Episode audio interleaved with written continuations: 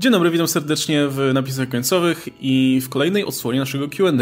E, I znowu będzie to QA głównie o tej tematyce komiksowo-nerdowej, e, no z paroma powiedzmy odskoczniami. Natomiast no, kręcimy to, ponieważ e, i, w okronionym składzie, między innymi dlatego, że no, ten tydzień będzie ciężki.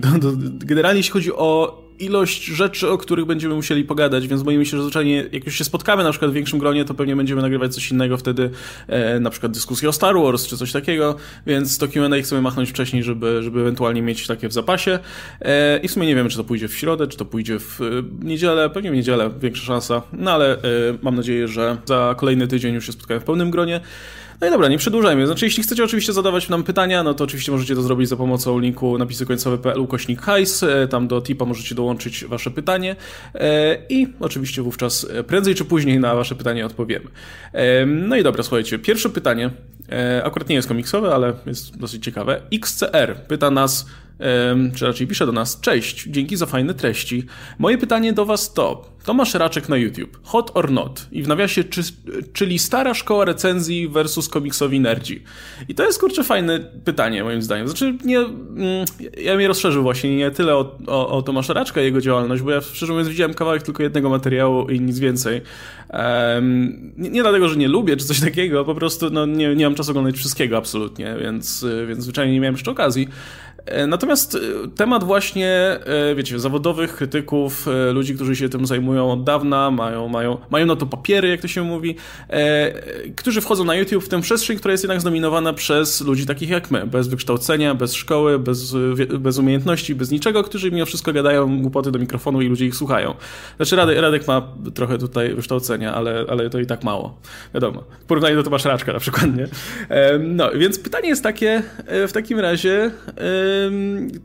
no właśnie, to versus, tak? Czy, czy, czy ja bym nie szukał tej versus za bardzo? Wydaje mi się, że to są dwie sfery, które, które się całkiem fajnie będą uzupełniać i mam nadzieję, że właśnie im więcej e, faktycznych zawodowych krytyków wejdzie w tę przestrzeń, którą do tej pory zapełniali właśnie fani, którzy po prostu mówią o, o, o, o filmach i nie tylko, e, to ta dyskusja na tym zyska. I wydaje mi się, że to są troszkę dwie rozdzielne rzeczy moim zdaniem, w sensie ja nigdy siebie na przykład nie traktowałem jako krytyka filmowego, nic takiego, raczej właśnie za fana, który, który gadał o rzeczach, które go interesują. E, natomiast wydaje mi się, że no, moja perspektywa ma coś do zaoferowania zupełnie innego, aniżeli perspektywa kogoś, kto będzie bardziej fachowo i naukowo, powiedzmy, analizował film czy jakikolwiek tekst kultury. E, natomiast no właśnie to versus mi się nie odpowiada. Wydaje mi się, że, że jakby warto śledzić obie rzeczy i z obu czerpać coś ciekawego. Czy to versus może się brać z tego, że co innego jest, kiedy. I znowu nie widziałem tutaj. Widziałem fragment dosłownie, tak jak mówisz, jednego materiału Tomasza Raczka, ale co innego jest, kiedy masz osoby, które normalnie jakby uczestniczyły w innych mediach i przechodzą na YouTube'a i zdają sobie sprawę z tego, że jest to inne medium, że jest to medium z innymi możliwościami, z innymi opcjami i tak dalej i widzisz, że się starają w tym odnaleźć, bo to nie zawsze jest natychmiastowe, bo jednak sporo się zmienia a są osoby, które nie próbują się w tym odnaleźć i robią dalej to samo, co robiły 20 lat temu, czy gdzieś tam, i, i, dla, i cały czas klepią dokładnie ten sam model, ten sam schemat. E, I w tym momencie, no to, to według mnie już nic nie dodaje. To według mnie nic nie uzupełnia i to według mnie ni w niczym nie pomaga. I tak jak e, mówi, mówisz, że jakby różne strony mają swoją wartość, to zgodzę się pod warunkiem, że każdy stara się e, do odpowiedniego widza podejść w, w, indywidualny sposób, ale tak jak mówię dalej, zdając sobie sprawę z tego, czym jest medium, z którego się używa. Natomiast y, przenoszenie bezpośrednio telewizji na przykład na YouTube'a y, nie kojarzy mi się dobrze, o tak powiem. Kurczę, ja akurat recenzji też dużo nie oglądam i raczej jak coś oglądam związanego z filmami na YouTubie, to są to jakieś wideo, eseje, coś w tym stylu, nie? I mamy ty, tylu fajnych twórców tego typu materiałów, że to mi w zupełności wystarcza. Ale tak jak Oskar mówi, mi się to bardzo podoba, ten akurat e, ciąg, że ci twórcy uznani z innych, którzy się udzielają w innych mediach, nie? Czy, czy ci z telewizji, czy ci, którzy pisali do różnej maści gazet, nagle właśnie przechodzą, odkrywają, że wie, że YouTube, no tutaj też można pokazać swoje umiejętności. I to jest bardzo fajne. Ja to oglądałem też e, tam parę materiałów e, Tom Karaczka i to, no, to, to jest dalej konkretne. No, to jest Tomek Karaczek, który potrafi opowiadać o filmach i on opowiada jednak w zupełnie inny sposób niż to się robi dzisiaj, nie? Ale to nadal nie jest e, kinomaniak, gdzie, wiesz, gdzie po prostu, o, film taki, o taki, nie? I nie wiesz nic z tej recenzji, tylko widzisz, wiesz, kawałki, fragmenty trailera czy coś takiego. Nie, tu masz sam konkret, wiesz, wyciąganie jakichś fajnych rzeczy. To też nie jest taka typowa recenzja, tylko jednak coś, co idzie bardziej w stronę, no nie dyskusji, ale właśnie eseju jakiegoś, nie? Że coś tam próbuje złapać, coś więcej wyciągnąć z tego filmu, bo tak jest też nauczony od lat, nie? Żeby, żeby takie rzeczy robić. Szczególnie, że wiemy, że największym wcześniej, z czego jest znany Tomek Raczek, to są dyskusje z e, Kałużyńskim, nie? które były właśnie takim konkretem. No to i to jest troszkę było takie, wiesz, Kałużyński jeszcze był jeszcze z poprzedniego mm. pokolenia, nie? Tak, więc, dokładnie. I takie zderzenie może, tych czasów. Więc fajnie jakby to dzisiaj też działało na, na, na, podobnej zasadzie, kiedy mówimy o, o twórczości osób takich mm. jak my w porównaniu do, do, wiesz, do, do zawodowych krytyków. Tak, żebym ja na przykład zobaczył e, właśnie jakieś gościnnie u Tomka Raczka innych, wiesz, młodych na przykład krytyków, nie? Żeby zobaczyć też, jak to kiedyś było tylko przeniesione na dzisiaj, nie? Bo to było fajne zdarzenie właśnie różnych kultur, w ogóle oglądania filmów, nie? I wyciągania z nich rzeczy. Też na przykład bardzo mi się podoba, jak e, Michał Leszczyk zaczął działać e, w sieci, nie? Z tym, to też jest uznany krytyk, który ma teraz swój podcast filmowy, który się nazywa Spoilermaster i jest naprawdę, naprawdę spoko. I on, on to robi, wiesz, takie złożone eseje, wyciąga ile się da z filmów, nie? I to też jest zupełnie inne podejście. To nie jest takie dyskotekowe, wiesz, e, z machaniem rękami i super film, wiesz, widziałem dzisiaj, byłem do sali, gdzie wszyscy tak się bawili i było super. Nie, to jest, to jest po prostu krytyk, nie? Taki, no, nie jest starej daty, bo Michał Leszczyk jest młodym człowiekiem, ale nie, to jest naprawdę fajne podejście. Starej Zresztą szkoły. Teraz, tak, starej szkoły. O.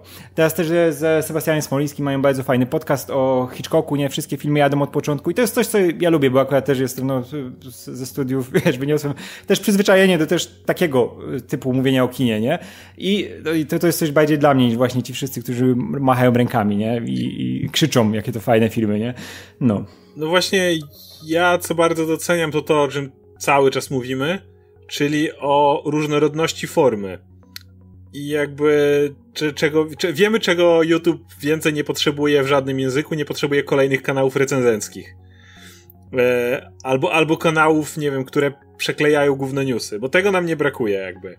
Natomiast brakuje cały czas kanałów, które z, z, zajmują się esejami, dyskusjami i tak dalej. I w tym momencie, kiedy właśnie widzę znowu podejście do filmu, które nie polega tylko na hej, fajny, fajny film, dobry, pięć gwiazdek, e, cześć, trzymajcie się i tak dalej, no to, to, to, to w tym momencie znowu widzę to jako, jako wartość dodatnią i jako rozwój medium i też nie traktuję tego jakkolwiek jako konkurencję, bo wydaje mi się, że e, im bardziej się będzie patrzyło właśnie na YouTube, na internet jako na miejsce szeroko pojętej dyskusji, a mniej jako coś, z czego musi jeszcze cały czas wyrastać, czyli tego miejsca, gdzie właśnie, wiecie, są challenge i tak dalej, a te ta reszta rzeczy to obok i nikt poważny się tym nie zajmuje, no to im, im bardziej ta perspektywa mi się zmieniała, tym lepiej dla nas też.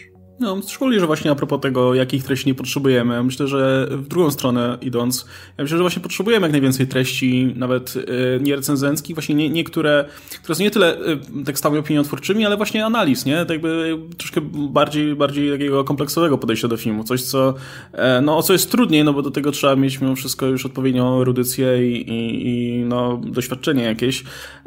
I, a wydaje mi się, że no, to jest, to jest taka mm, jeszcze sfera, która nie jest zagospodarowana nie? Mam wrażenie, że jest sporo na pewno niesamowicie mądrych ludzi, którzy, nie wiem, udzielają się na uniwersytetach i na jakichś, wiesz, grupach zamkniętych i tak dalej, a jest masa miejsca w internecie, żeby, żeby się tą wiedzą i, i, i opiniami dzielić dla dużo większej publiczności, nie? Bo to też jest tak, że nie dziwi mnie, że wielu dziennikarzy powoli przechodzi na YouTube, gdzie wiedzą, że mogą mieć błyskawiczny feedback i dużo większą publikę, niż kiedy publikują tekst w jakimś, wiesz, specjalistycznym magazynie, który tam czyta tysiąc osób najwyżej, nie? E, mimo wszystko, tak, no to jest, to, ta platforma jednak daje te możliwości, których myślę, że inne medium dać już nie może. Wiesz, tak, tak, tak było z Lindsay Ellis na przykład, nie? Jedną z moich w ogóle ulubionych e, wideoeseistek związanych z filmem, która no wiadomo, że ona się wywodzi z, z, z, z tych programów e, Nostalgia Critica, ale to wiesz, to jest dziewczyna, która ma z, zaplecze uniwersyteckie, nie? Skończyła szkoły konkretne związane z filmoznawstwem, nie? Wykłada rzeczy i robi fantastyczne wideoeseje, nie? Dokładnie dopasowuje ten akademicki język i to, co, to, co daje jej akademia, do tego, wiesz, takiego YouTube'owego przystosowuje narracji, która jest przystępna przede wszystkim, nie? I to jest fajne, żeby tak połączyć te dwa światy na takim poziomie, żeby to było wszystko przystępne, nie? Bo wiemy, że ten język akademicki potrafi być czasami e, męczący, no, czasami często potrafi być męczący, jest, wiesz, e, obleczony tymi schematami, nie? Że to zawsze jest samo powtarzanie formułki, cytowania i te wszystkie rzeczy, no, które jednak niszczą przyjemność z poznawania niektórych takich treści. A znowu YouTube, no on też wchodzi w te schematy, właśnie te takie, e, wiesz, brak przygotowania jakiegokolwiek, nie? I tylko żeby, żeby być, żeby, o, trzeba być w piątek, obejrzeć trzy nowe filmy wyszły, trzeba o wszystkich coś powiedzieć, nie? Nieważne co, bo trzeba, bo trzeba, bo trzeba, trzeba, wiesz, dzień w dzień, dzień w dzień musi coś być. Tak, Wszystko, iść na każdy film. Tak, ilość, ilość, nie jakość, nie? A tutaj jest, e, właśnie, no mówię, są tacy twórcy, którzy fajnie to e, potrafią połączyć łączyć, nie? Żeby to było i sensowne, i jednak z jakimś przygotowaniem, jakieś konkretne, coś, co ci zostanie w głowie, bo po co wypuszczać treści, które mają po prostu, wiesz, wlecieć i wylecieć, nie? Zawsze no musi coś zostać. Im więcej takich twórców, tym większa szansa na to, że kolejni się przekonają właśnie.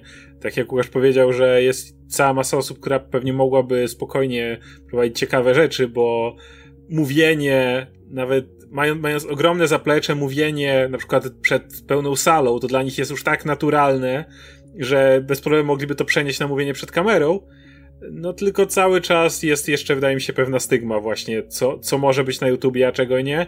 Ale każdy następny, każda osoba w stylu Tomasza Raczka, która jest jednak szanowana w tym środowisku, wydaje mi się, jest, ma szansę trochę zwiększyć szansę i prestiż tego i, i, i otworzyć okienko dla kolejnych osób, które stwierdzą, hej, to może ja też spróbuję.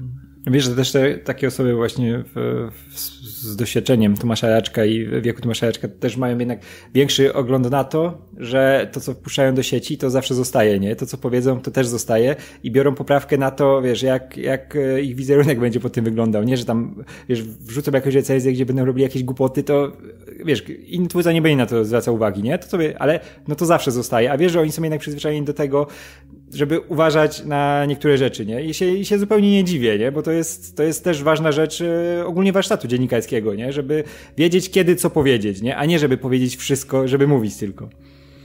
No dobra, to myślę, że to wyczerpuje te, te, te, to pytanie. Przejdźmy sobie dalej. E, Piotr Kubisiak. Cześć, czy uważacie, że oba Kotory, Knights of the Old Republic, są tak dobrymi grami, że warto je ograć po tych 15 latach od premiery? Podpowiem, że lubię RPG, i to, i, a w sieciowe The Old Republic gra mi się bardzo przyjemnie. Pozdro. Ja mam problem z wracaniem do e, starych gier, które kiedyś uwielbiałem i to dosyć duży. Miałem tak z Kotorem, próbowałem go z dwa lata temu odpalić, pierwszego Kotora, mówię, kurde, mam takie wspomnienia z niego, to była jedna z moich najpiękniejszych, wiesz, najpiękniejszych przygód w ogóle, jakie miałem, pamiętam każdą sekundę, ale okazało się, że nie pamiętam każdej sekundy. To nie, nie było to, to co odpaliłem, nie, nie to nie było to, co pamiętam. Sekundy.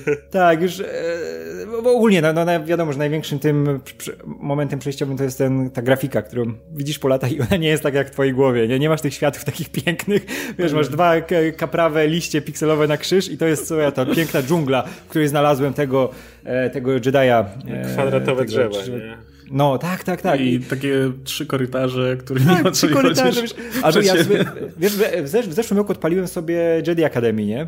I ta gra jest, kurczę, nadal grywalna, nadal fajna, ale widzisz, jakie to jest wszystko sztywne, jakie to jest wszystko puste, jak, no, no nie pogasz to tak jak kiedyś, nie? I dlatego niektóre rzeczy lepiej, żeby zostały w głowie. Ja się bardzo cieszę, że zagrałem w Kotora wtedy, kiedy wyszedł, że jestem z tej epoki Kotorowców, nie tych świeżutkich, że na, na świeżo mogłem kupić, zagrać, mieć to w pamięci, ale, ale nie czuję potrzeby, żeby wrócić. Zresztą to jest też taka przygoda, którą czuję, że powinien przeżyć raz. To była moja opowieść i, i wystarczy. Ja nie potrafię w ogóle drugi raz takich, wiesz, RPGów grać drugi raz powodu, który wymieniłeś, ja dlatego bardzo popieram remake'i, które są totalnym standardem w świecie filmowym, a w świecie growym są na razie bardzo, bardzo rzadkie. No, ostatni był remake Resident Evil, według mnie fantastyczny, teraz będzie trójka. I ja mam nadzieję, że to się, to pójdzie dalej, bo tak jak powiedziałeś, czy Jedi Academy, czy KOTOR, to są dalej fantastyczne doświadczenia, świetnie napisane historie dalej, spor, kupa fajnych rozwiązań, no tylko wiele rzeczy się tak zestarzało, że współczesny gracz może mieć duży problem i dlatego przenoszenie według mnie starych gier, cały czas z Łukaszem gadamy o Arkanum i tak dalej, ale przenoszenie starych gier właśnie w nowe realia to jest fantastyczna rzecz. Więc idąc dalej, kontynuując temat Kotora, no niestety zestarzał się i to bardzo. Mm, I problem jeszcze z nimi był taki, że o tyle co pierwszy Kotor był kompletną grą, tak drugi Kotor jest grą według mnie fatalną, tak długo jak nie ściągniesz wszystkich community patchy i wszystkich łatek, którymi jest dokończono tą grę. Ta gra jest dziurawa jak ser szwajcarski, jeżeli spróbujesz ją dotknąć w oryginalnej formie. Ja pamiętam, jak ją przyszedłem za pierwszym razem, kiedy nie miałem dostępu do tego wszystkiego. Nie rozumiesz połowy rzeczy, które tam się Jezu. dzieją i zastanawiasz się, skąd to się wszystko wzięło tak właściwie. Więc to były też te czasy, kiedy dalej... No kurde, mówię te czasy. Metal Gear Solid 5 wyszedł niedawno. Ale to, to, cały czas właśnie to jest to jedna z tych gier, która została totalnie urżnięta dookoła.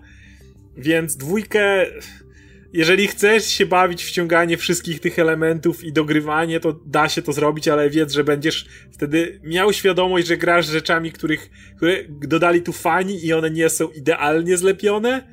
E, no jedynka jest pod tym względem lepsza, bo jest kompletna, ale, ale jest jeszcze starsza, więc ja pamiętam jak dwójkę kupiłem na premierę i ja tak odpalam, mówię, to będzie taka przygoda, a to była taka tragedia, jeśli chodzi właśnie o tak optymalizację. Tak, o... Się tym gorsze, że tam, że jakby potencjał tej gry był dużo, dużo, dużo większy, większy nie? Jakby oczywiście. motywy, które ta gra podejmuje i zalążki tych postaci i tak dalej, to wszystko, gdyby to zostało rozbudowane, to, to by przerosło jedynkę o, wiesz, o, o kilometr, a no, skończyło się tak, jak się skończyło, nie? Masz gościa w masce, którego w podstawowej wersji nawet nie jesteś w stanie dowiedzieć się, kim on jest.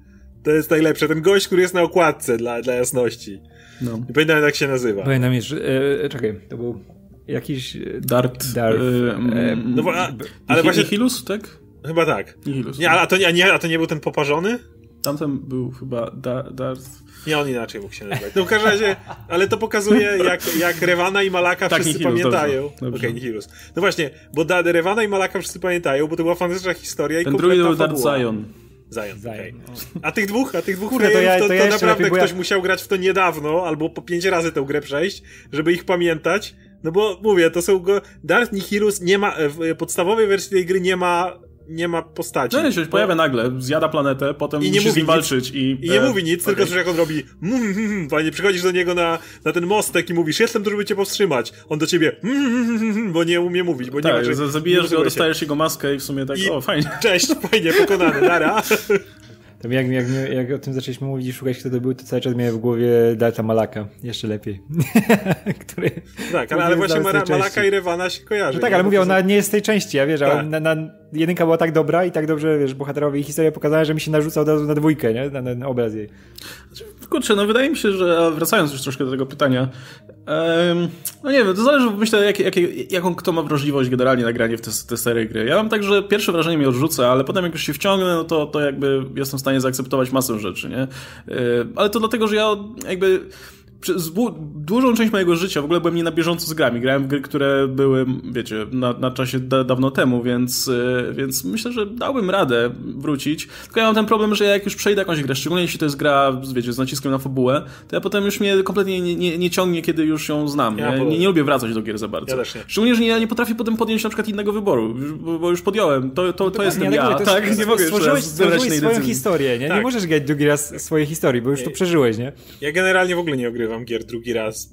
Ja rzadko oglądam filmy drugi raz. Y, nie wiem, jak w kinie, ale to jest bardziej dla wrażeń kinowych, nie? Natomiast dla samego poznania historii, czy jakiegoś takiego, nie chcę. Nie, mi się bardzo, bardzo rzadko zdarza. Nie wiem, Arkanum przyszedłem parę razy, Fallouta 2 przyszedłem parę razy, e, Chrono Triggera przyszedłem parę razy i to chyba tyle. Do paru może wróciłem, ale nie, nie tak, żebym przeszedł. Z grami jest ten, ten, kłopot jednak, że musisz w nie dużo czasu zainwestować. Właśnie.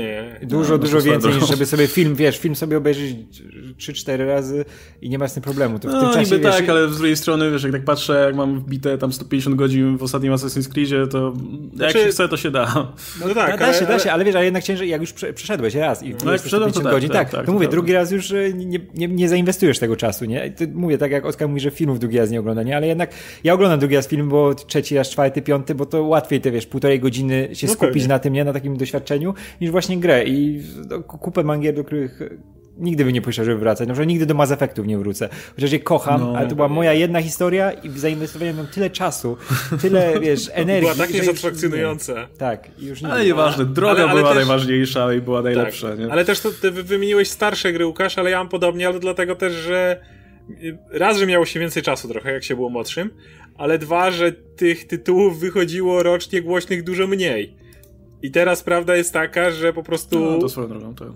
I na przykład jeżeli są, jest ktoś z nas chciałby robić podsumowanie roku gier, to będziemy mieli materiał o grach, albo już wyszedł, albo dopiero wyjdzie, nieważne, e, to prawda jest taka, że jeżeli chce się mieć jakąkolwiek, jakiekolwiek sensowne podsumowanie gier danego roku, to musisz zajmować się nimi bra faktycznie branżowo, nie? No. Musisz to być tak. coś, co, co robisz zarobkowo.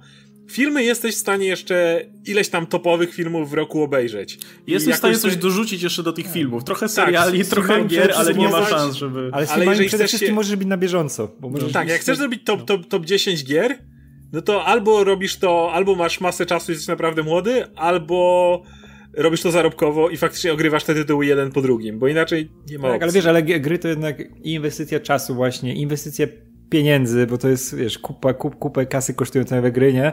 No ciężko, ciężko to w ogóle porównywać do filmów, nie? I do tworzenia topek filmów, bo no nie da się. To ja jeszcze raz podejmę próbę powrotu do tematu w takim razie. Nie da się. I ja, ja mam... Ja, ja starzy, mam... ludzie, starzy ludzie się rozwijają, nie ma czasu, nie ma czasu. No to całe... O, moda na bycie zajęty. To ja, ja, mam, ja mam taką e, propozycję, może warto by spróbować mobilnego portu Kotora, bo e, nie, nie grałem na Androidzie, ale jak kiedyś, nie wiem, chyba, chyba jest, ale, ale kiedyś wyszedł, pamiętam, e, i to było dosyć głośno o tym, że, że pierwszy Kotor wyszedł e, na iOS i wtedy miałem miałem iPada e, i sobie go kupiłem i kurczę, naprawdę super się w niego grało. To jest akurat gra, która jest dobrze dostosowana do, mobil, do tego dotykowego interfejsu, przez to, że masz tą aktywną pauzę, stopujesz sobie, wbierasz sobie, wiesz, tutaj e, rozkazy, wiesz, stukając po prostu w strzałeczki i, i to się sprawdza, nie? Sterowanie zostało to całkiem nieźle rozwiązane. E, wiecie, późniejsze gry już by było trudniej, bo, bo też, wiecie, poruszanie się i tak dalej by było dużo bardziej skomplikowane, potrzeba by więcej przycisków, no, no to jest gra z, wiecie, no, w zasadzie, no, z no, no, no nie, nie, nie jest specjalnie skomplikowana, jeśli chodzi o jej, powiedzmy, gameplay, nie? Więc, więc nadaje się bardzo dobrze. Ta grafika, wiecie, na tym ekranie małym wygląda, małym, no tam 10-calowym, albo może nawet mniejszym, wygląda ok. E, I wtedy, wiecie, no jakby troszkę, jakimś cudem się trochę inaczej podchodzi do tych gier jednak ogrywanych na, na wiecie, mobilnym sprzęcie. I mi się grało całkiem nieźle. Odpuściłem sobie głównie dlatego, że no, no jednak na, na mobilnym sprzęcie gram głównie w rzeczy, które mają zabić czas po prostu, a, a, a nie w coś tak bardziej angażującego jak Kotor. Ale gdybym nigdy nie grał w tego Kotora wcześniej, kto wie, czy bym go nie przeszedł nawet. Także może, może to jest metoda. E, natomiast też popieram to zdanie, że fajnie jakby ktoś zrobił jakiś fajny remake tego, nie? Nawet nie musi być jakoś, kurczę, nawet nie muszą jakoś bardzo ingerować w tą całą mechanikę i tak dalej, ale żeby faktycznie to była gra, która no nie odstrasza dzisiaj, nie? I która, którą można sterować na przykład współczesnym padem i tak dalej. Ja no. bardzo popieram tą całą ideę współczesnych remake'ów. Mówię, Resident Evil mi się fantastycznie grało, wiesz, ten, ten remake. Będę grał pewnie w trójeczkę i chciałbym, zobaczymy jak remake będzie Final Fantasy VII, ale liczę na to, że jednak kurde, dziwnie to zabrzmi, patrząc na to, że głównie omawiamy filmy, ale liczę, że w grach taka moda na remake'i, ale na tym poziomie remake'i trochę ruszy.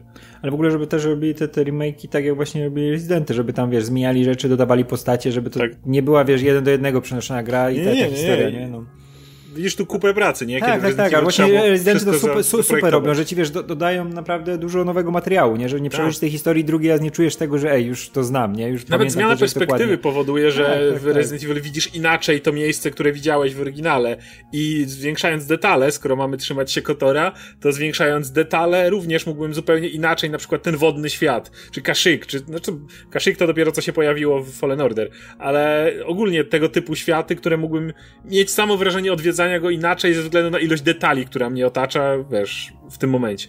Jezu, jakie miałem przebitki, nie wiem czemu, ale jak mówię o tych grach gwiezdnowojennych. Pamiętacie tą e, grę e, Mroczne Widmo? Mhm. No, to, gdzie no, trzeba było no. spamować przyciskiem ale, i on tak machał mieczem tak, i ale ona, i ona miała taką straszną perspektywę, tak z góry, tak wiesz, tak, tak, tak nie do końca dziwny. Izome, dziwny To nie była izometria do końca, nie, nie, to było dziwne. I, on, I oni byli tacy mega jak z pudełek, ci, te postacie, one tak, wiesz, chodziły, hu, Jezu, i tam była właśnie ta, jak y, sam początek gry, ci ganganie i, wiesz, ten świat, ten gangan. Jezu, to był taki koszmar i tak wyglądała skakanie było tak z dupy, no. jak musiałeś coś przeskoczyć, to się... Ale mi się, ale mi się Wietnam włączył, jak mówiliśmy o tej strasznej grafice i wspomnieniach, o matko. To idźmy Nie. dalej. Mm, no, także podsumowując, to są, dalej uważam, że to są świetne gry, szczególnie właśnie ta druga z, z tymi poprawkami, wszystkimi patchami. No ale pytanie, czy, czy techniczna strona ci nie Szczególnie, nie szczególnie jak wiesz, jest, jesteśmy w czasach e, nowej gry z Jedi, pięknej i, i, wiesz, tak wszystko poszło tak do przodu, że też ta i mechanika i inne rzeczy będą po prostu irytować w sposób. Ja mam na przykład tak, że bardzo szybko się przystosowuję do nowej mechaniki, do tych ułatwień, wiesz, i no na starość już jak gra jest prostsza, to mi daje większą przyjemność, że sobie posiedzę, wiesz, jak mam tą godzinę czy dwie wolne jedynie, nie, to wiadomo, że to, co mnie bardziej wciągnie, tak wiesz, będę miał tą imersję całkowitą, nie, że wszystko jest łatwo, pięknie, wiesz, tylko klikam, historia się dzieje, szybko poznaję i o, czuję się spełniony, nie, a jak znowu, wiesz, to grzebanie takie powolne, bo to też był zupełnie inny typ narracji, nie, ja kocham Kotora, ale jak próbowałem niego właśnie do niego powrócić i grać, to to jest jednak takie, wiesz, powolne i, i no zupełnie inaczej. Niektórzy dalej wiesz, to, to lubią. Tam są, tam są mega irytujące nawet takie pierdoły na zasadzie, że wiesz, masz linię dialogową, czytasz ktoś, co, co ktoś ci powiedział i teraz czytasz sobie te wszystkie linie dialogowe, opcje, wybierasz jedną i ta osoba później czyta to, tak, to wszystko tak, jeszcze tak, raz tak, i mówisz, kurna, przecież ja już to czytałem, nie?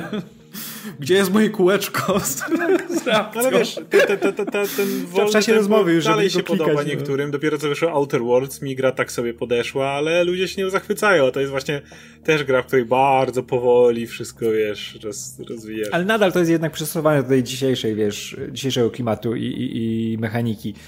No jest i widać okay. tę różnicę. Kurczę, no te gry się tak zmieniły, okay. że...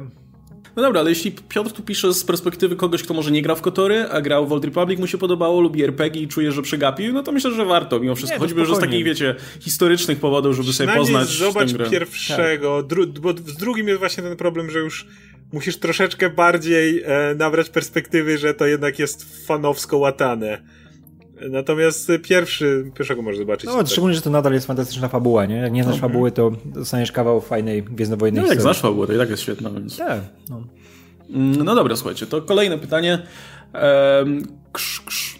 To jest nick. E, szukam komiksu Marvela bawiącego się konwencją. Znalazłem Marvel Now What i Secret Wars 2. Jeśli je znacie, to który uważacie za lepszy, a może policie coś innego? Dzięki. Pozdro dla Szymiego. No to my też pozdrawiamy Szymiego. E, komiksy, które bawią się konwencją. Okej, okay, więc po krótkim researchu, e, ja sobie przypomniałem, który, to, który komiks to było e, Marvel Now What. To był naprawdę całkiem zabawny komiks, pisany przez Eliota Kalana, między innymi, tego gościa od Spider-Man and, and the X-Men na przykład, e, który, i tam zdaje się, że, że, że też inni jacyś scenarzyści się udzielali. W każdym razie to jest komiks, który, no, gdzie bohaterowie y, Marvela, to przy okazji Marvel Now wyszło, e, no komentowali różne rzeczy związane właśnie z, wyda z wydawaniem tutaj komiksów, z tymi praktykami Marvela. Pamiętam, że były tam właśnie fragmenty, gdzie, e, gdzie High Evolutionary chodził i tłumaczył, że no Marvel kiedyś to było Uncanny X-Men, New X-Men, Extreme X-Men, a teraz to jest Uncanny Avengers, New Avengers, A-Team Avengers i tak dalej. E, no i generalnie beka z tego, jak albo, że nie wiem, że wszyscy bohaterowie teraz dostają nowsze hip wersje, nie? I że, że, że teraz będziemy mieli nowe postacie, takie jak na przykład Think Junior i jest taki Think z takim, wiesz, girze raperskim. I to, to było całkiem zabawne, to, to mi się bardzo podobało. Generalnie lubię za każdym razem te, te, te wszystkie momenty, kiedy Marvel jest w stanie nabijać się z siebie samego i wiecie, te, te momenty jak Square Girl ma na okładce na przykład, że to, to, to nasza druga jedynka dopiero w tym roku. Natomiast y, też patrzyłem, co to jest to y, Secret Wars 2 i to też pamiętam, że czytałem. To był, to był też komiks, gdzie Jonah Hickman pisał komiks właśnie Secret Wars i, i nie za bardzo mógł wymyślić zakończenie chociażby. I generalnie też jest beka z tego, z eventów, jak, jak są pisane i, i, tworzone w ramach Marvela. Więc no, jeśli o coś takiego ci chodzi, to ja jestem za i bardzo lubię. Natomiast no, mi było polecić coś konkretnego, co by tak bezpośrednio uderzało, powiedzmy, w, e, w komiksy. Natomiast no, jest sporo komiksów takich, które powiedzmy jakoś tam się odnoszą do, do, do tego, jak komiksy działają, nie? E, I tutaj sobie gadaliśmy, że najlepszym przykładem będzie pewnie e, Gwenpool, która, która e, poza tym standardowym powiedzmy przebijaniem czwartej ściany, zwracaniem się do widowni i tak dalej, no to ten komiks czerpie w ogóle z tego, że jest komiksem, nie? I Gwenpool ma te wszystkie moce, jakie ma czytelnik komiksu, może przewracać strony, przeskakiwać między kadrami, jest świadoma tego, że jest bohaterem komiksu. Zresztą no, jej ostatnia miniseria Gwenpool Strikes Back, jakby jej ideą jest to, że Gwenpool się zorientowała, że nikt już jej nie czyta, więc dostała ostatnią szansę, ostatnią serię, w której musi zrobić jakiś konkretny rozpierdol pierdol po to, żeby zostać na rynku. No, więc jakby postać, która wie o tym, w jakiej jest sytuacji jako postać komiksowa, tak. no to jest chyba coś, o co, o co ci mogłoby chodzić właśnie. Nawet kiedy ona wpada do innych osób, teraz się zaczął Deadpool od Kelly Thompson, ciężko mi na razie cokolwiek powiedzieć. Pierwszy zeszyt był taki sobie, zobaczymy jak dalej, ale tam pojawia się Gwenpool, która przynosi Baby Sharka, swoje, swoje zwierzątko no, tak, tak. i daje go Deadpoolowi, Jeff. bo mówi, że tylko u niego jest bezpieczny, bo Deadpoola nie kancelują i jak zostanie z Deadpoolem, no to będzie mógł się utrzymać, a w jej komiksie, no to może w każdej chwili zniknąć. Więc musi mu go zostawić, bo Deadpool, no, Deadpoola jest bezpiecznie. ogólnie cała, Ale... ta, cała, cała mhm. pierwsza seria Gwenpool się też na tych opierała, nie? Rzeczach, że ona z, jest z naszego świata, wie jak to wszystko działa, wie jak działają komiksy superbohaterskie nie? i cały czas to wykorzystuje, żeby sobie tam radzić, nie? I jak to się zmienia, wiesz, tu się staje, chce być bohaterką, staje się złoczyńcą i ma, wiesz, pełną świadomość tego, że się stała złoczyńcą, nie? I w jaki sposób. E, I to fantastycznie działa. Zresztą Hastings jest ten, Christopher Hastings jest fantastycznym scenarzystą i mam nadzieję, że teraz jeszcze jakąś łapnie robotę Ale, dla Marvela, bo typ jest genialny. Przeglądam teraz ogólnie wszystkie e, jakie, jakieś tam solicitations na któryś tam miesiąc jeśli chodzi o komiksy Marvela, no to za wiele więcej tego nie ma i nie przypominam sobie, żeby coś poza Gwenpool w ostatnich latach wyjątkowo w tą stronę skręcało. Wiadomo, jakieś tam serie z Deadpoolem na pewno, ale to z no, no, znowu to będą jakieś pojedyncze rzeczy najwyżej wychodzące gdzieś tam. tam. Tak, tak, tak. Re większości bym nie ruszał rzeczy z Deadpoolem, bo był Deadpool fatalny w ostatnich latach pisany. Jest kilka komiksów, które są trochę subtelniejsze pod tym względem E, nie wiem, na przykład jest ostatnio Amazing Mary Jane, cały komiks, który nie jest w ogóle o superbohaterszczyźnie, tylko o branży filmowej. I cały ma tam przerysowane sposoby motywów, e, co się dzieje, kiedy trzeba zdobyć kasę na film w Hollywood i tak dalej, nie? Swoją drogą pisze to Lee Williams, to samo od ostatniej miniserii z Gwenpool, także to no, chyba... No. Do, do, to nie, nie, nie, nie, nie, nie, nie bez powodu, nie? Więc te, tego typu mm. rzeczy, ale więcej nic mi do głowy nie. to, to też, też niestety zawsze tak było, nie? Że na ten, na ten typ komiksu nie, nie było jakiegoś wielkiego popytu, nie? Bo to to było... No to, to jest zupełnie... koneserów, no. Tak, do, do, do koneserów, tak. No ale tak było, jak pamiętam, jak były She-Hulk, e, Dana Slota, później Petera Davida, nie? Jeszcze no, nie wracając tam wcześniej, wiesz, Johna Berna, nie? To, to zawsze były serie, które były mocno specyficzne i od, odstawały, wiesz, w taki pozytywny sposób od tego normalnego mainstreamu, nie? Bo opowiadały o czymś innym, bawiły się tą swoją formą, komentowały cały czas komiksy, ale no nie dziwię się, że to się o, nie sprzedaje. Nie? Next, e- Next Wait było też takie. Next Wait też komentowało cały czas, no. nie? W miarę blisko tego, wydaje mi się, jest obecnie Black Panther and the Agents of Wakanda. To jest taki dodatek, który generalnie przetwarza stare historie, tak jeszcze podkręcając do komiksowego absurdu, nie? Na przykład ostatnia historia dwuzeszytowa nazywała się God Loves, Moon Kills i było o tym, że księżyc chce ich zjeść. Więc, e, no, tego typu rzeczy, które wiadomo do czego się to odnosi, nie? Tytuł. Wiadomo, no, no tak. Ale... Więc, więc, więc, więc Dobra, nie zadaję pytań. Więc to są takie historie, w których, które starają się podkręcać komiksowe historie do jeszcze większego absurdu. Ale to już jest też daleko od, od, od tego, co, o co ci chodzi na pewno. E, ciągle, ciągle zabawniejszym momentem w tym stylu to, to jest z tego któregoś tam numeru e, Rocket Raccoon i Groot, gdzie nagle w komiksie się pojawia Kitty Pride i Gwenpool, która akurat jest w tamtym komiksie, tak, tak patrzy tak. i mówi, co? Kitty Pryde co na tutaj robi? Bendis czy, czy Bendis spisał ten komiks? e, no, także... Kurczę, w jakimś w jakimś komiksie pamiętam, że bohaterowie, czy to, czy, kurczę, to może było w Gwenpool w ogóle, gdzie, gdzie bohaterowie e, mieli bekę właśnie ze stylu pisania Bendisa. E, z tych wszystkich e, dymków i tak dalej. Dym, dymków, nie pamiętam, gdzie tak, to było, ale było to. Dym, dymków myślowych. Wiem, że gdzieś to kurczę było, ale nie pamiętam, gdzie dokładnie. E, jak, jak, jak znajdę, to, to pewnie rzucę gdzieś na Facebooka czy coś takiego. No dobra, to by było chyba na tyle, jeśli jest, chodzi jest, o to pytanie. Tylko jeszcze dodam, bo jest, mhm. to już troszkę odskoczę od Marvela, bo jest taki, kurczę, zapomniałem jak się nazywa ten e, komiks z Jamesa Robinsona. On był w zeszłym roku pisany nie dla Vertigo, tylko dla jakiegoś innego, dla jakiegoś, dla jakiegoś innego wydawnictwa, ale kurczę, to było jazda bez trzymanki. To miało cztery numery i już wam mówię, co to było. A kurde, teraz się wy, wybrałem w podróż daleko. Ale mi to w głowie zostało i muszę powiedzieć, bo jak zapomnę, to będę się z tym źle czuł. I już ci mówię, co to było. Zaraz to będziesz musiał wyciąć. już ci mówię, to, to, to jest o tym. A, już ci mówię. Kurde, boi. Jak to się nazywało? A, a, a, a Airboy, o właśnie, właśnie, właśnie. To James Robinson pisał tylko dlatego, zobaczcie do jakiego wydawnictwa to było robione. Dla Image, o. To było o tym, że e, James Robinson jest rysownikiem, teraz nie pamiętam nazwiska rysownika, dostał, dostał zlecenie na pisanie komiksu o Airboyu. Airboy to jest taki stary, wiesz, palpowy bohater, mm. nie? który ostatnio z, jakiekolwiek miał znaczenie chyba w latach 80., o ile dobrze pamiętam, bo tam była jakaś jedna konkretna seria.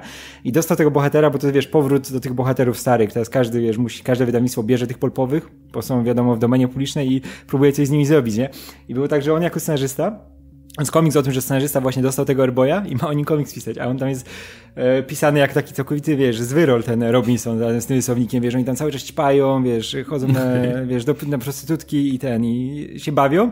I on, cały komiks jest o tym, że on nie chce pisać tego e, z Airboya. I w którymś momencie, w pierwszym numerze na końcu jest taki e, myk, że poznają Airboya, że Airboy się pojawia w naszym świecie. I oni się później z nim bujają. W tym, wiesz, takim zwyrodniałym świecie, a on jest taki, wiesz, czyściutki, on jest takim bohaterem, wiesz, tej e, ery palpowej, nie, że takim herosem, który, wiesz, i widzi tych dwóch e, gnojków, którzy, wiesz, mają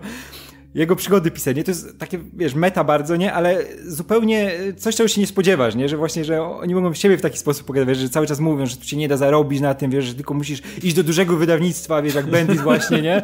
Bo inaczej nic, nie? I oni siedzą w takim syfie, wiesz, i ten, no, wszystko widać, bo to jest comics image, więc nie muszą, wiesz, jakieś cenzury wprowadzać, są wulgaryzmy, a to jest piękne pokazanie tego właśnie, jak komiksy kiedyś wyglądały i jak wygląda dzisiaj pisanie tego, nie? Że kiedyś to były zupełnie, wiesz, inna grupa docelowa, a teraz piszesz dla starych dziadów nie wiesz jak to pisać, nie? Dostajesz takie airboya i no jak o nim napisać, nie? To było dla dzieci kiedyś, a dzisiaj musisz, wiesz, to przystosować, nie? Dla młodych, nie? I jest naprawdę fajna zabawa, fajna zabawa z konwencją. I ma tylko cztery numery. Airboy to się nazywa. Okej. Okay. E, no dobra, to przeskakujemy dalej. Bart 89. O, i to jest jedno z tych pytań, które pamiętam, że nawet jeśli nie dostawaliśmy go parę razy, to wiem, że na samą kwestię odpowiadaliśmy już, już parę razy, więc brace yourselves. E, Far From Home było ukazane, że osoby pojawiały się w miejscach, gdzie zniknęli. Czyli jeśli zniknęli będąc pasażerem samolotu, to pojawiali się na pokładzie samolotu, czy w powietrzu i spadali na ziemię. E, no, słuchajcie, jaka jest odpowiedź? Um, ja wiem, jakie było tłumaczenie. I, i, I, scenarzyści odnieśli się do tego, do wszystkiego, do wszystkiego. Jeżeli macie A to przez pytanie, was, to, to przez was to wszystko, to Tak, jeżeli macie jakieś pytanie, to prawdopodobnie już zostało ono wyjaśnione. I prawdopodobnie inaczej odpowiedzieli scenarzyści. I prawdopodobnie scenarzyści inaczej niż bracia Russo, tak. Ale tu pamiętam odpowiedź chyba braci Russo, która brzmiała Hulk dobrze zrobił. on sobie wymyślił wszystko. Hulk zrobił dobrze, tak? Hulk ma duży to nie było. To nie było tak, że on ich przywrócił, on ich przywrócił, żeby było dobrze. Że było o, takie dobrze, było jego dokładnie, życzenie. Dokładnie. Ja chcę, żeby wszyscy wrócili, co zniknęli, ale także byli bezpieczni. No, no na, przykład, na przykład nie pojawili się w powietrzu, tylko na ziemi na w ziemi. miejscu. Tak, tak. Nie, było, nie, byłoby, nie byłoby tak wesoło, jak było pokazane w filmie, tylko byśmy mieli to, że ktoś tam się przytula, a tu z powietrza, z nieba lecą ludzie, nie? I się nie, rozbijają. Ale, ale Hulk dobrze pstryknął, on wiedział jak pstryknąć. No.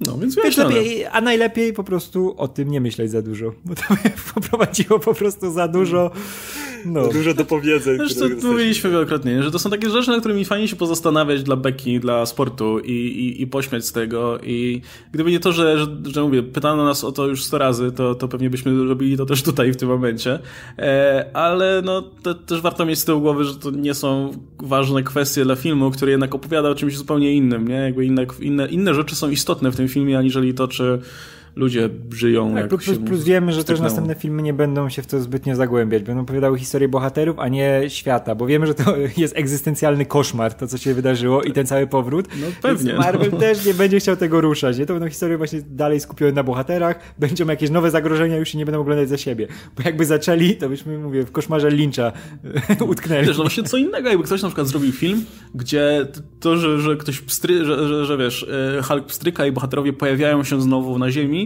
to był, wiesz, wstęp do filmu i dopiero teraz eksplorujemy tutaj właśnie ten, ten, ten terror, który w ogóle, wiesz, przeżywają ci ludzie, albo tę całą masakrę związaną z tym, że spadają z nieba i, i wiesz, i znowu się wszystko rozwala i tak dalej.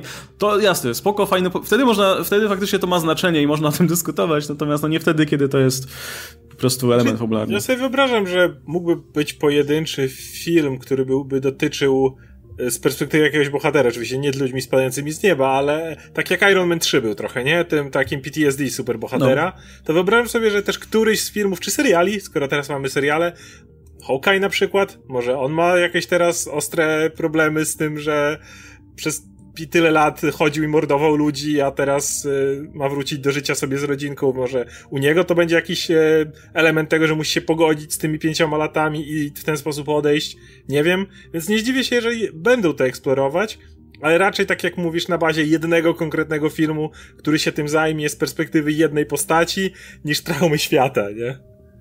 Nie, mi, mi, się bardziej wydaje, że jednak Marvel będzie już, u nich będzie czwartek, nie będą myśleć, że Środa była. Coś się wydarzyło, nie? nie może być jeszcze cały czas na pożegnanie starych bohaterów. Właśnie Hawkeye mi się wydaje najbardziej prawdopodobny, bo to jest jeszcze ta odchodząca Stara Gwardia. Mhm. E, no dobra, to kolejne pytanie od Axon, Axonosusa. Co myślicie, żeby Henry Cavill zagrał Hyperiona? Może jakiś inny aktor? Chcielibyście tego złoczyńcą, złoczyńcą zobaczyć w filmach MCU? Ja bym chciał, ja bym chciał żeby, tak, ja chciałem to nadmienić. Chciałbym, żeby był jako bohater z innego wymiaru, co by było cudownie meta, nie? Jak mamy tego Ten bohatera z alternatywnego świata, nie? Który powraca, znaczy, który się pojawia pierwszy raz e, i chciałbym, żeby go Cavill zagrał. Wiem, że to jest niemożliwe, ale żeby zrobić taką meta zabawę tym, nie? Żeby go wyrwali i tutaj jest, wiesz, w, w cudownym świecie Marvela. Jestem, wiesz, tym naszym uśmiechniętym, nie Supermanem wcale zupełnie w ogóle, jest Hyperionem, nie? Który jest tym, tym, tym bohaterem po prostu. Chciałbym to, ale to jest niemożliwe. No. Znaczy też bym chciał, nie to nie musiał być Kawil oczywiście, ale, czy, ale ogólnie Hyperiona bym chciał. To jest fantastyczna postać. Mm, wiecie, wiecie co byłoby zabawne? Gdyby Marvel zrobił jednak tego Hyperiona, zanim DC zabrałoby się za Supermana i, i pierwsi zrobiliby dobrze Supermana w filmie od czasów Donera. pierwszy, pierwszy dobrze, wiesz, do, dobrze zekranizowany Superman na dużym ekranie u Marvela. Bo Hyperion jest fantastyczną postacią, a jednocześnie ma na tyle różny background od Supermana, ten, ten bohater Hyperion, bo to nie jest ten gość wychowywany na farmie przez, przez rodzinę, tylko gość mocno marksistowskiego społeczeństwa, gdzie to jednak działa inaczej. Więc uważam, że tak, Hyperion mógł być fantastycznym bohaterem. Jakby Kawil grał, byłoby śmiesznie, ale, ale czy to warte? No, tego? znaczy ja mam wrażenie, że ja właśnie dlatego nie chciałem, żeby to był Kawil, gdyby coś takiego, takiego doszło. No fajnie, byłoby zabawnie, nie? A z drugiej strony jakby cały żart by polegał na tym, że o, to, to jest Henry Cavill, który grał już Supermana i to, to byłby gimmick w tym momencie, a nie po prostu, wiesz, stworzenie postaci. Czy ja w ogóle nie, nie wiem, czy jestem przekonany w ogóle do eksplorowania Hyperiona w ramach filmów Marvela, no bo jakby, no cały urok Hypermana polega na tym, że to jest analog Supermana, nie? Jakby, co, co, co by było, gdyby Superman coś tam, nie? To jeden z tych wielu rzeczy. Też na jakim, no i, to, I nie mówię, że nie można tego ograć dobrze. Można, jak najbardziej, nie? Po prostu, no, e, jakby sam koncept mnie aż tak nie przekonuje. w ogóle to jest za, za wczesny też etap, nie? W no najbliższe, wiesz, znaczy, 10 lat nie widzę tego jeszcze. Plus Marvel ma dużo ciekawszego Supermana, nazywa się Sentry. No właśnie. No i o, film o Sentrym bym od razu kupił. I mógłby Cavill zagrać totalnie Sentrego, nie? Mam nadzieję, że kiedyś będzie taki moment. I, miałby, i, i jakby, był, jakby był zły, jakby był Voidem, to by wyglądał tak dziwnie znajomo jak Miałby czarny kostium. Czarny kostium. ale, ale tak, jeżeli miałbym wybór, to wolę Sentrego niż Hyperiona. A tak ogólnie, ja bym chciał właśnie, żebyśmy doszli kiedyś do tego momentu, kiedy wiecie, bohaterowie będą, Marvela będą tak mega popularni, bohaterowie DC dzięki nowym, lepszym filmom będą tak bardzo popularni, że zrobienie na przykład analogu postaci DC w ramach jakiegoś filmu Marvela, bo będą, wiecie, istotni jako, wiecie, bohaterowie na przykład z innego świata czy coś takiego. No, to nie musi być dokładnie Squadron Supreme czy, czy, czy jakakolwiek inna inkarnacja, e, ale, ale właśnie, wiecie, wiecie aluzje do, do tych postaci, tak jak to, nie wiem, u Hickmana się, się to pojawiało, żeby coś takiego kiedyś, wiecie, że doszło do czegoś takiego, nie? Że, że mamy bohaterów, którzy Szczególnie gdyby to działało na przykład tak jak u Hickmana, nie? że mamy tych bohaterów, którzy faktycznie są tymi posągowymi herosami, a tutaj mamy tych bohaterów Marvela, którzy tak kombinują po prostu jak, jak, jak, jak mogą, żeby, żeby, żeby yy, wiecie, zrobić coś dobrego. To, to chętnie. No tak, Natomiast tak, sam Hyperion to tak, okej. Okay. Kurczę, szkoda, Tylko, że, że jak, jakby mieli go robić to bez tych wielkich majtek może, bo to wygląda słabo jak kielucha. majty? Kurczę, szkoda, szkoda, że jednak e, DC ten twój świat tak u podstaw zaorało. Ten, wiesz, z tymi podstawowymi bohaterami, z tym, z tym Batmanem, z tym Supermanem, nie? Bo jakby to jednak było rozbudowane fajnie, kurczę, i tak kiedyś zobaczyć jakiś chociaż mały crossover, wiesz, Marvel DC, no to jest, wiesz, to był następny krok, nie? Mieliśmy już, wiesz, Endgame, no wszystkie te takie rzeczy, wiesz, kluczowe. No, ale co my robiliśmy w filmie? By się napierdalali, no. By się, nie, by się no połączyli i by biegał jakąś Dark Claw. Ale, ale wiesz, ale jakby, ale nie, ale jakby naprawdę, to, nie, nie, aż tak nie, ale kurczę, ja, ja przykład, wiesz, Superman Kevilla z Kapitanem Ameryką Evansa, to ja bym, ja bym miał mokre majty. Ja bym po prostu jak ślimak, wiesz, zapieprzał po ziemi. Jakbym to tylko zobaczył. No proszę cię, to było super. No dobra, to dalej. I teraz mamy pytanie Jimena i ja spróbujmy je najpierw zinterpretować, bo, bo myślę, że będziemy mieli problem. Scarlet Witch. Kropka. Wskrzeszenia, ale nie do końca. Kropka. Skok do innej dekady. Kropka. Multiversum. Rodzina. Czy zobaczymy Quicksilvera Ewana Petersa w WandaVision? Jak fajnie by to było. Jestem, jestem pod wrażeniem, jak było obejść limit znaków. A czy, czy to miał budować klimat, żebyśmy tak, wiesz, jakby przywołali sobie te wszystkie rzeczy i dopiero teraz odpowiadali na pytanie? To, jest, to, to było moje ulubione zaginione opowiadanie Lovecrafta. Ale to jest trudne, trudne Ale ja jeszcze groza nam powinno być, taka kropka. Ja mogę powiedzieć szybko, nie. Mm, e, Okej, okay, ale, Ewa, nie, no, ale faktycznie, dobra, to się łączy jakoś, tak? Nie. Mamy to pytanie, czy zobaczymy go i mamy skalę wskrzeszenia, skok do innej dekady, czy, czy rozumiem, którakolwiek z tych okoliczności, czy, czy mogłaby zajść. Nie. Czy by, czy by na przykład ten Quicksilver Ivana Petersa miał się pojawić na przykład w tym serialu no, ze Scarlet Witch? No bo mamy multiversa i mamy skoki do innych światów. I, i niby wskrzeszenia i inne dziwne rzeczy. E, nie ma to sensu. E, znaczy, znaczy ja bym chciał zaznaczyć, że ten Quicksilver Petersa to się zrobił nudny na poziomie drugiego filmu, w którym wystąpił, więc y, myślę, że to nawet nie było, nie było już sensu, żeby on nie się pojawia w filmach Foxa, a co, co dopiero mówiąc tutaj, nie? No nie, biegnie do Jean Grey, o, złamałem nogę, a, jestem poturbowany, nie mam mnie już. Znaczy, żeby ten, żeby ten Quicksilver z MCU był lepszy, bo nie był, ale, ale jeśli Ej, już... On, był, on był fajny, po prostu nie miał czasu, żeby... Nie był fajny. To, nie był fajny mógłby być no, ale fajny, to był Age of Ultron, ale... ale to był Age of Ultron, mówmy się, no. Scarlet Witch też nie była ciekawa w Age of Ultron. No, to prawda. No, no ale jeśli już mieliby w jakiś stopniu wracać do Quicksilvera, chociaż też nie widzę sensu za bardzo, ale jeśli mieliby, no to mamy, mamy Quicksilvera w domu. Znaczy jest nieżywy, ale, ale wiadomo, że to nie problem. Więc jeśli e, Wanda miałaby zakrzywia rzeczywistość, żeby wszystko było fajne i na miejscu, to raczej pojawiłby się jej brat znowu żywy, nawet jako iluzja, no. czy ten jej dziwny wytwór, niż Peters. Plus ten, plus ten Peterson był przesadzony na poziomie tych mocy, nie? To było fajne za pierwszym razem, jak to pokazali, ale to, co zrobił w drugim filmie i to, co jak musieli go później, wiesz, wykluczać z walki. Za każdym z, razem. Czy z Apokalipsem, czy właśnie z Jean Grey, czy to, wiesz, wielka scena w trzeciej części, gdzie na tym statku kosmicznym miał coś zrobić. I ja myślałem, że to była zapowiedź jakaś tej jego następnej sceny. Nie, to było wszystko, co pokazali, bo już wie, wiedzieli sami, jak przesadzili w poprzednich filmach, nie? Że to już było doprowadzone do takiego, że to po prostu nie bawiło. To już wyglądało jak wyglądało. A ja bardzo lubiłem to, jak był pokazany właśnie, jak były pokazane jego mocy w Age of Ultron, nie? Że to nie była ta, wiesz, ponad wszystkimi możliwymi, wiesz, prędkość światła, prędkość dźwięku, prędkość światła, wszystkie przekraczające, że on jest we wszystkich miejscach naraz, wiesz, ojciec Pio tego świata, bilokacja i cholera wie co. Nie, tam był po prostu, wiesz, był, był szybki, ale wiedziałeś, widziałeś jak to działa dokładnie, nie? I, to, i był jakiś płynniejszy po prostu. Uwielbiałem ten efekt dźwiękowy, taki Ładne to no, było. wiesz, Quick, Quicksilver z świata X-Men, to by tego Hokaja i te dzieciaki zapakował na ten statek, wszystkie te kule poprzerzucał na inną stronę i potem jeszcze, wiesz, i stanął za tym, za tym robotem i by poczekał, nie? A nie przyjął kulę na klatę. E, no dobra, to jeszcze dwa ostatnie pytania, które są takie, myślę, w miarę, w miarę krótkie. E, po pierwsze, Bumbled. Często data faktycznej premiery blockbusterów to na przykład dwa dni przed, czyli nie wiem, środa albo czwartek, bo już wtedy film jest puszczany w zwykłych, w zwykłych seansach, na przykład dwa razy dziennie. No Star Wars teraz mamy w środę na przykład y, ten. Czemu data oficjalnej premiery nie są wcześniejszą? E, no to się z tego co kojarzę i, i, i prosimy, jeśli się mylę, no to wynika z tego, że w USA wciąż oficjalnie filmy mogą premierować tylko w piątki i premiery są tylko i wyłącznie w piątki. I oni robili tak, y, żeby przy tych większych premierach, żeby zwiększyć hype, no to robili te północne premiery, które swego czasu były mega popularne, nie? I wtedy y, film się zaczynał tam minuta po północy, no i wtedy wciąż była oficjalna premiera w piątki. Tak a później po prostu jakby cały czas przesuwali tę, tę godzinę, cały czas przesuwali to, że, że filmy premierują w czwartki, a oficjalnie to wciąż jest piątkowa premiera z jakiegoś powodu.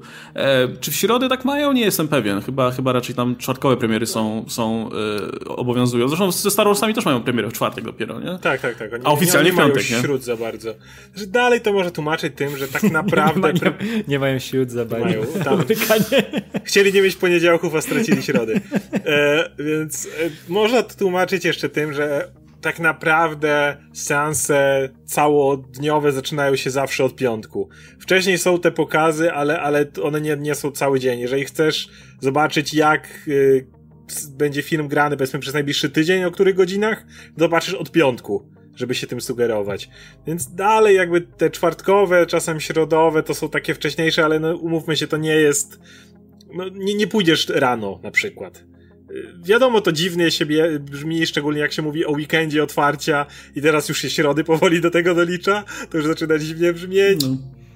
Ale no, no, najwidoczniej tak się tak na razie zostanie. U nas to jest tak, że jednak jak idziesz, masz przedpremierę, czyli wiesz, że nazywane najczęściej finalnie przedpremierę, a to brzmi tak ekskluzywnie, nie? Że idziesz przed na pokaz przedpremierowy. Nie? Tak, pokaz przedpremierowy i to ma, ma, wiemy, że też jest mniej, mniej jednak tych seansów, nie? Chociaż teraz już chyba robią coraz więcej, nie? Że to się zamienia nie, ale po prostu w normalny dzień. Głównie. No tak, tak, tak, ale chyba i tak zwiększyli, bo kiedyś było pamiętam, że było jeszcze mniej, nie? A był ten jeden po północy, to był ten taki, tak, taki tak. a teraz masz jeden, dwa w środę, jeden, dwa w czwartek i potem mm. już normalnie. Tak, Także u nas to się nikt specjalnie przejmuje, nie? To już zależy jakie tam pójdą e, decyzje od, od góry, nie? Od, od dystrybutora. No, no to także to by było na tyle. No i ostatnie pytanie, Jan Stolarz. Cześć, co myślicie o dorobku Johna Carpentera? Wiem, że Radek i Łukasz znają go dosyć dobrze, zastanawiam się, e, skąd wziął się kult jego twórczości, gdy większość tego, z tego, co nakręcił, to tak zwane średniaki. No, co? No, no tutaj... Chłopie. Znaczy to Średniaki? Nie. Znaczy, mamy oczywiście na koncie trochę tych średniaków i takich mniej udanych filmów. Szczególnie te późniejsze, te duchy jak, jak Marsa. wszyscy, bo to były takie rzeczy. czasy. Tak, jakoś masa, masa tych kultowych y, reżyserów z lat 70., 80., jak tylko weszły lata 90., to praktycznie od razu, wiesz, od razu z, poziom spadł na łeb na szyję, nie? Ostatnio o Kopoli gadaliśmy między innymi, a u niego to po tym Drakuli, którego ja już nie cierpię, ja już nie cierpię tego jego Drakuli, ale ten Dracula jeszcze był taki, wiesz, powszechnie raczej, raczej dobrze przyjęty, a później co się stało? Ej, ale o, jeszcze wcześniej, chwilę wcześniej Ojciec Chrzestny 3, nie? A, no tak. No. Wiesz, dwa No tak, najlepsze to filmy świata, które są uznawane wiesz, za dwa najlepsze, Ojciec Chrzestny 1 i 2 i później wchodzi ten, nikt nie mówi. ten, wchodzi ten ich kuzyn, nie? ten, Nikt nie chce który mówić o nikt nie chce go zapraszać na spotkania rodzinne. Wiecie, hej, jestem Ojciec Chrzestny 3. No Drzwi zamknięte, bo po, podali mu zły adres, żeby... Nie dojechał. Natomiast kurczę, ja mi powiedział, że Carpenter robi średniaki. Znaczy, Carpenter robił kino gatunkowe jednak i być może w jakichś takich, wiecie, podsumowaniach yy, mm, ze strony, yy, nie wiem, magazynów czy, czy krytyków, którzy no, raczej nie gustują tak bardzo w kinie gatunkowym. Możliwe, że, że znaczenie, nie wiem, ataku na posterunek 13 czy Halloween czy, czy tego typu filmów jest trochę minimalizowane, ale mam wrażenie, że jeśli chodzi o, o wkład w ogóle w, wiecie, w horror, w thrillery, w, w tego typu kino, no to kurczę, czy science fiction, no to Gdyby nie, Carpenter. gdyby nie Carpenter, to nie istniałaby jedna z moich ulubionych serii gier w historii, czyli Metal Gear, Sol- Gear Solid, bo nie istniałby Snake, Snake Plissken, który umówmy się, Hideo Kojima miał zajoba na punkcie ucieczki z Nowego Jorku. Więc ja nie jestem jakimś mega fanem Carpentera, nie oglądałem tyle filmów co wy, ale ucieczka z Nowego Jorku jest dalej tak kultowa. Ktoś chciał zobaczyć. Dzisiaj Kurt, Kurt Russell ma praktycznie wszystkie role takie wyluzowany koleś, wiecie, który jest cwaniakiem. Jest No to- Stuntman Mike, jest nie, y, ten, wszystkie role tutaj.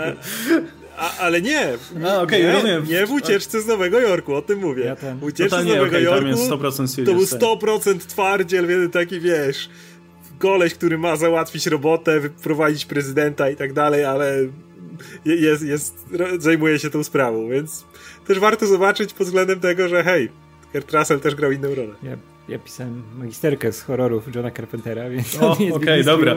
To, to, to zamykamy się. Muszę, muszę.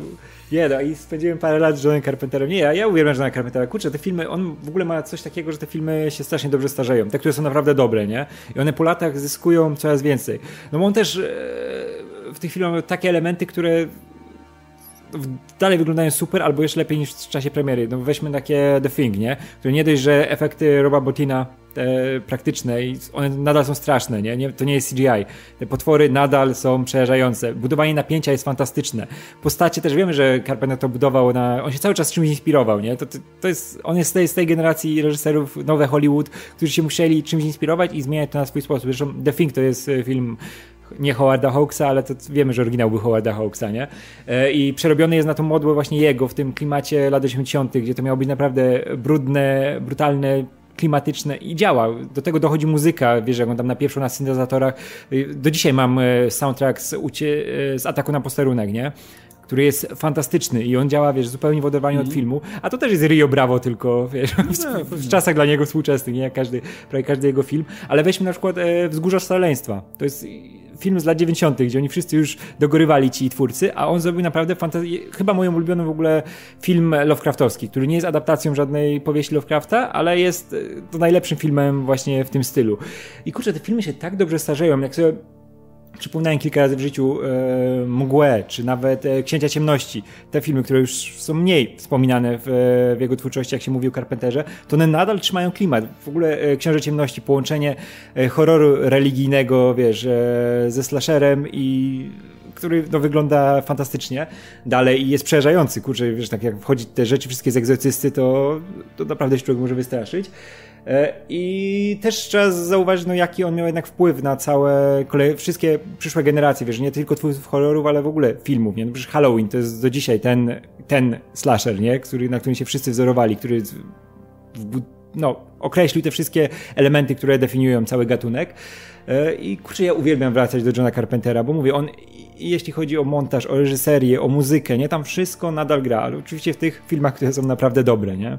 No wiesz, no to wiadomo, że są elementy, które się starzeją, ale mm -hmm. w trochę inny sposób niż, niż ty powiedziałeś, nie? Jakby, tak, ale... jakby motywy, klimat i tak dalej, no to się to, to właśnie się nie, sta, nie, nie, nie starzeje, natomiast mm -hmm. no, no, wiadomo, że te filmy były robione w innych czasach, no, no to siłą tak, ale jakby... zupełnie też, ale możesz tutaj zauważyć jednak to, tą no inaczej patrzysz przez pryzmat właśnie czasów, nie? Zauważasz to, że to, ten film no był zrobiony w konkretnym okresie i wiesz, czemu on tak wygląda, nie? Nie wygląda po prostu staro, tylko wiesz, że o, to był film zrobiony... Słuchaj się, no, Carpenter jednak nie bał się kampu, nie? Tak jakby te, te filmy mm. są kiczowate w taki swój specyficzny sposób. Zarówno kiedy chcą być kiczowate, jak wiecie, Big Trouble in Little China na przykład, mm. nie? Który, no, spróbuj wytłumaczyć komuś ten film, tak wiesz, na, na A który, wiesz, który dzisiaj jak go odpalisz, no wygląda fantastycznie, no. bo on, jest, on już wtedy był z przymrużeniem oka zrobiony, nie? Ale nawet te filmy, które w teorii są całkiem serio, a ogląda się je jednak z takim dystansem, jak nie wiem, Daylift na przykład, nie? Gdzie masz tą walkę Radiego Pipera z tym swoim kumplem, która jest najgorszą chyba walką ekranową i ever. Trwa, i trwa, i trwa, która jest specjalnie tak... najgorszą walką. Jep. Jep. 30 minut. Najlepsze. I oni już są spoceni jak świnie, nie? Już leżą w tych śmieciach, ale jeszcze wstają i jeszcze się tłuką i to trwa i trwa i trwa. Ale to ma taki właśnie, przez to, że, że, że jest ten kapowy posmak tych filmów, to, to, to jednak trudno, trudno, wiesz, one się nigdy nie stają śmieszne w ten sposób, nie? Jakby mo, mm. może się oglądać trochę z, z, z, dystansem, ale, ale nigdy się nie robią śmieszne. Nie, no. One są mocno świadome, mocno autorskie, nie? Cały no. czas widzisz, że to zrobił konkretny reżyser, nie? I tej jego fascynacje się powtarzają w kolejnych filmach, tak. nie? Dlatego to jest tak silne. Ja Big Trouble widziałem naprawdę późno i się jarałem i bawiłem przy tym fantastycznie. A widziałem, ten film, kurde, parę lat temu zaledwie. Cool. Nie wiem, z pięć lat temu może widziałem ten film po raz pierwszy. No bo ten film jest cholernie cool, przecież Jack Barton, no. nie, który chciał, chciał tylko, wiesz, jeździć swoją ciężarówką i się Nie, bo to jest taki film, w którym jak już zaczyna się cię wkręcać w te szaleństwo, to już jak, jak już pójdziesz tym nurtem, to już, już nie skończy, już będzie no. coraz dziwniej tylko. No, no i właśnie, te filmy są spójne. Nie, pod tym w ogóle ja ten, ja przez 10 lat miałem w pokoju, jak się codziennie budziłem, to miałem e, plakat ucieczki z Los Angeles, jak e, e, ten, Carl Russell siedzi na motorze i się tak na mnie, wiesz, spogląda na mnie. No jak ktoś nie wierzy, to kurczę, moje chyba na moim koncie instagramowym drugie albo trzecie zdjęcie jest w tle e, plakat ten no i nie wiem, gdzieś go zgubiłem i tak się żałuję, bo to był polski plakat jeszcze e, z okazji premiery kinowej, którego wiesz, e, dbałem o niego i w ogóle, żeby się tylko nic z nim nie stało, a w końcu zgubiłem. No. Książę Ciemności to był ten film, gdzie był ten słoik z tym... Z tym tak, z diabłem. Z tym diabłem, z diabłem. tak, w wersji tak. wściekłej postaci. Ten, ten, tak, ten diabeł wyciekał z tego słoika i później wszystkich przejmował i on tam, wiesz, wszędzie była ta zielona maść, zielony płyn. Jezu, muszę wrócić do tego, nie egzorcyzmy były, egzorcyzmy były i różne takie rzeczy. Był ten, e, Alice Cooper grał tego bezdomnego, który był zombie. Okay. Widzisz, jakie te filmy są cool, nie? nie. A widzisz, jakie to jest cool, nie? Mm. Okej, okay, e, no dobra, to jeszcze podałoby jakiś fanart wybrać. E, dobra, słuchajcie, e, moja wina, nie przygotowałem fanartu do omówienia dzisiaj, więc e, zostawimy sobie na razie to. Natomiast przy kolejnym odcinku może po prostu wybierzemy dwa albo trzy, żeby, żeby nadrobić ciut więcej, więc wybaczcie. E, my się będziemy żegnać w takim razie. Słuchajcie, jeszcze, jeszcze, raz, jeśli chcecie nam zadawać pytanie i dostawać takie super kompetentne odpowiedzi jak dzisiaj, e, super merytoryczne, no to oczywiście możecie to zrobić za pomocą linku w opisie, napisy końcowe pl ukośnik hajs. fanarty możecie nam wysyłać, te fanarty fanarty, których nie mówiliśmy dzisiaj, możecie nam wysyłać na napisy małpa.gmail.com. No i widzimy Obiecujemy, się... Obiecujemy, że przynajmniej połowa odpowiedzi będzie na temat. przynajmniej tak, będziemy jeszcze, się starać. Jeszcze, jeszcze, tylko dodam, że polecam sprawdzić, to pierwszy film Carpentera i polecam to wygooglać. Tak?